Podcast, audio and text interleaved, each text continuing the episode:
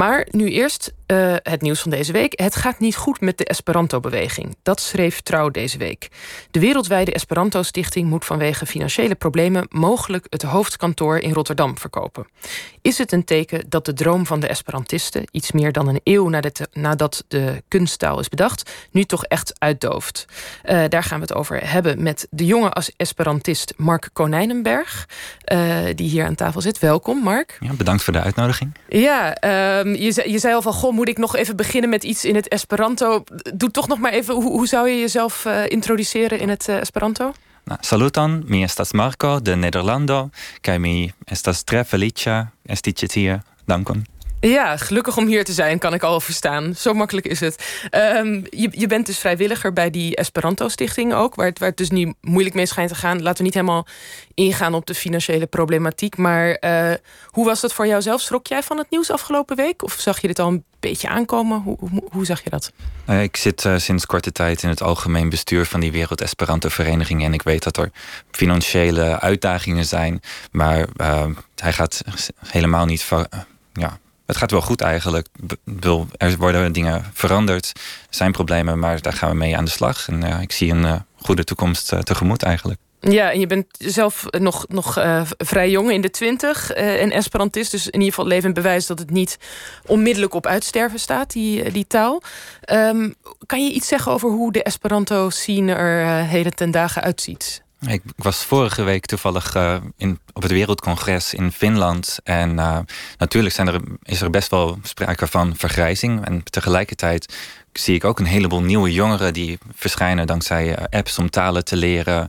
Mensen die ja, actief via het internet elkaar opzoeken en toch ook wel naar die wereldcongressen komen. En in het algemeen bestuur zie ik ook steeds meer jonge mensen verschijnen. Dus uh, goede hoop. Ja, en dus het is een wereldcongres dat is iets jaarlijks terugkerends. Een soort, soort ja, ik weet niet, festival voor Esperantisten of hoe moet ik dat zien?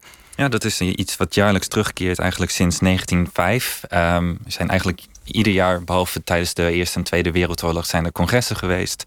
Er zijn gemiddeld zo'n 2000 mensen, maximaal zo'n 6000 mensen, die over de hele wereld, ja, vanuit de hele wereld komen naar zo'n congres om samen de, de taal te spreken, om wetenschappelijke artikelen te delen, van alles. Ja, precies. Oké. En uh, laten we inderdaad, voordat we nog even verder praten over hoe het nu staat met het Esperanto, nog even de geschiedenis van het Esperanto induiken. Hoe begon die taal? Uh, die taal is bedacht door een uh, Pools-Joodse man, Ludwig Zamenhof. Die, die woonde in Białystok. En Białystok was in die tijd een deel van het Russische Rijk. Nu is het een deel van Polen. En in die stad woonden vier, met name vier groepen: Russen, Joden, Duitsers. Um, Russen, Joden, Duitsers. um, maar die Polen, die, Polen, waarschijnlijk. De Polen natuurlijk. En, uh, maar die groepen die, die konden niet altijd goed met elkaar omgaan. Er was een heleboel spanning. En die mhm. Joodse, Poolse idealist die had het idee van de taal is een reden waarom die spanning er altijd is. Mensen mhm. kunnen niet goed met elkaar communiceren. En hij heeft toen bedacht dat het een goed idee zou zijn om een, een neutrale taal te hebben die uh, makkelijk te leren is.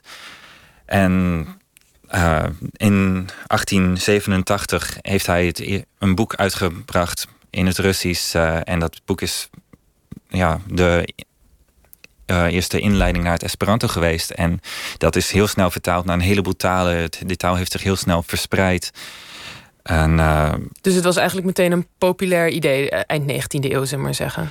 Ja, rond die tijd was, er, was het er al een vraag naar een internationale hulptaal. En er bestond er al een die redelijk populair was. Maar die begon juist rond die tijd uiteen te vallen. Doordat er uh, behoorlijk veel druk was gezet op de, door de uh, bedenker. Die wou zelf alle beslissingen nemen. En als je een taal spreekt, dan wil je daar een beetje flexibiliteit in hebben. Dat je zelf ook mhm. je eigen inbreng uh, kunt hebben. En Zamenhof had juist gezegd van mijn taal is een taal voor iedereen, van iedereen. Dus uh, natuurlijk zijn er een, is er een basisgrammatica die heel simpel is, maar gebruik hem gewoon en laat die taal evolueren. En dat is wel de kracht geweest van het Esperanto en waarom het nu nog steeds zo sterk is. Ja, want wat was die andere taal dan, die, dus nu helemaal uit het uh, oog is verdwenen? Uh, Volapük. Volapük, ja. Oké, oké. En, en bij wat voor mensen sloeg dat aan? waren dat inderdaad mensen die misschien in, in, in steden woonden, landen waar, waar heel veel conflict was en waar dat echt een probleem was, waar ook mensen vanwege uh, meertaligheid gewoon niet goed met elkaar konden communiceren? Of? In, in die gebieden is het zeker wat populairder geweest dan in gebieden waar er geen taalprobleem was. Mhm. Maar ook, het sloeg ook heel erg aan bij idealisten die uh, geloofden in verbroedering van de, van de wereld.